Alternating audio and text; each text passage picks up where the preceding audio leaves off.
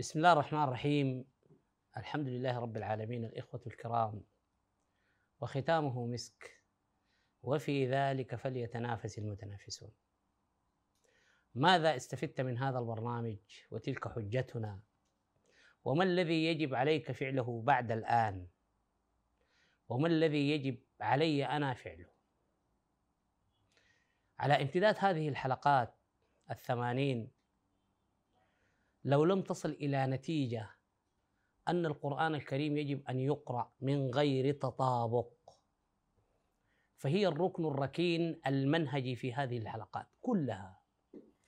لا تطابق بين ألفاظ المختلفه في القرآن الكريم.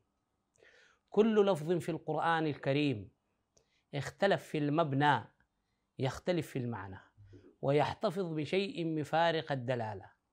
عن اللفظ الآخر. اقرأوا القرآن لا بعيون التطابق وستجدون فيه العجب العجاب. اعطوا القرآن كلكم فيعطيكم بعضه. ومن أروع أوصاف القرآن الكريم ما جاء على لسان الحبيب المصطفى. كما روى إلينا الإمام علي بن أبي طالب أنه قول الله الفصل ليس بالهزل. لا تنقضي عجائبه ولا يخلق عن كثرة الرد ولا تشبع منه بطون العلماء.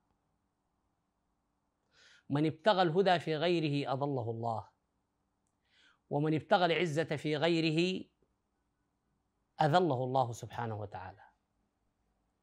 الكتاب كتاب القرآن يناديكم إن عدتم عدنا. هذا الكتاب كلما يجد منك من الجهد والتدبر والاجتهاد سيعطيك ما عنده من الدرر والكنوز.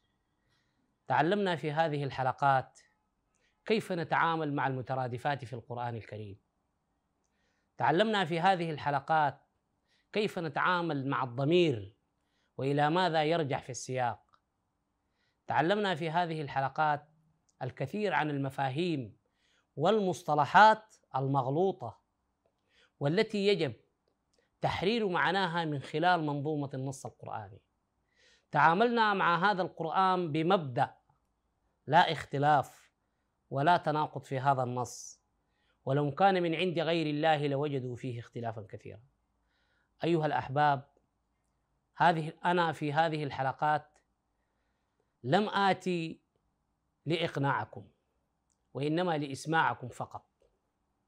لأن القناعة مسألة شخصية ويمكن للإنسان أن يسمع ولكنه لا يقتنع أو يكابر في الاقتناع.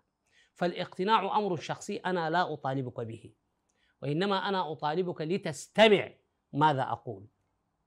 ولكي أفهمك لا لافحمك أنا ما جاي عشان افحمك جاي عشان أفهمك. وعندما يقال لك هذا الشخص زنديق ويقول في القرآن بغير علم يجب أن ترد على أن هذه النتائج التي قد تراها غريبة وربما صادمة إنما جاءت وفق منهجية ومعايير معينة. ليس الأمر على الهوى والمزاج وليس التدبر أنك تأتي إلى القرآن وتدقق النظر فيه. بالعاطفة وبالمشاعر وإنما هي عبارة عن منهجيات يتم استنباطها من منظومة القرآن الكريم نفسه. ولذلك يقول الله سبحانه وتعالى في سورة الزمر والذين اجتنبوا الطاغوت أن يعبدوها وأنابوا إلى الله لهم البشرى فبشر عبادي الذين يستمعون القول فيتبعون أحسنه. أولئك الذين هداهم الله وأولئك هم اولو الألباب. فإذا أردت أن تكون من ضمن أولي الألباب فيجب استماعك للقول لا للقائل. دع القائل وشأنه. إذا أتاك حمار وهو محمل بالعسل والزبيب فخذ العسل والزبيب واترك الحمار يذهب إلى سبيله. عليك بالقول لا عليك بالقائل. لا تبحث ورائي. لا تبحث ورائي من أين أنا أتيت ومن أي البلاد أنتمي ومن أين تعلمت. لا لا هذا لا يهمك. ما يهمك هو قولي الذي قلته لك. هل يتوافق مع منظومة النص القرآني؟ هل يحترم العقل والمنطق والفطرة السليمة؟ هل يمكن أن يساهم في واقع الأمة المزري الذي نراه بأعيننا؟ هل هذا القول يدعو إلى تفعيل القرآن وتثوير القرآن بدلا من أن يظل محنط؟ لا يساهم في حياتنا إلا بإفتتاح الحفلات. والرقية الشرعية وآخرون يضعوه في الحجاب على على اليد. والصلوات. هل أصبح القرآن الكريم لا دور له في حياتنا إلا الرقية الشرعية والصلوات وافتتاح الحفلات؟ هل القرآن ثورة علمية مفاهيمية حقيقية يمكن أن يساهم في تغيير الواقع في أي وقت وحين؟ إن لم يكن القرآن كذلك فلا حاجة لنا به. فالقرآن عندما أنزله الله سبحانه وتعالى لا لا لكي نقدسه ولا لكي نقبله باليمين والشمال. إنما يجب أن لا تخاف من القرآن ولا تخاف عليه. لا تخاف منه هو لم يأتي ليخيفك. ولا تخاف عليه لأنه قادر على المحاججه من ذاته. القرآن ما كلام بشر. القرآن ما رواية شاعر. القرآن هو كلام رب العالمين. صاغه الله سبحانه وتعالى بعلمه المطلق وبالتالي فيه خبر ما قبلنا وحكم ما بيننا ونبأ ما بعدنا. إن هذا القرآن يهدي للتي هي أقوم. هدى للناس لا هداية إلا بالقرآن الكريم. ويجب أن لا يفهم المشاهد الكريم من خلال تسلسل هذه الحلقات أننا لدينا مشكلة مع النبي عليه الصلاة والسلام معاذ الله. هو الذي بلغ كلام ربه. وهو الذي في حساب في بضع عشر أو 13 سنة أو 23 سنة مجمل سنين الدعوة لا تعد في حساب الزمن شيئا. استطاع أن يكون أعظم دولة عرفها التاريخ. ولكن ما نقوله الآن هو انتصار لكتاب الله سبحانه وتعالى. ليظل المطلق هو المطلق والمقيد هو المقيد والإله هو الإله والبشر هو البشر.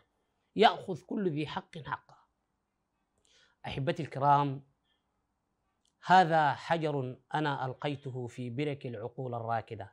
لا أبتغي منه الفرق الإعلامية ولا الشهرة وإنما بصمة أحاول وضعها في هذا المشروع وأسأل الله سبحانه وتعالى لنا ولكم التوفيق. فما أصبت فيه من الله والرحمن وما أخطأت فيه فمن نفسي والشيطان والله ورسوله منه براء وإلى أن ألتقي بكم في الحلقات الحوارية لتكملة هذا البرنامج والتي سنتطرق فيها للمواضيع الكبرى وهي عبارة عن نتائج الأحكام الفقهية التي توصلنا إليها عبر المنهجيات التي تم سردها في هذا البرنامج. إلى أن ألتقيكم أترككم في حفظ الله ورعايته أسأل الله العلي العظيم أن يحفظنا ويحفظ الجميع وليهيئ لهذه الأمة أمر الرشد فهو ولي ذلك والقادر عليه. السلام عليكم ورحمة الله تعالى وبركاته.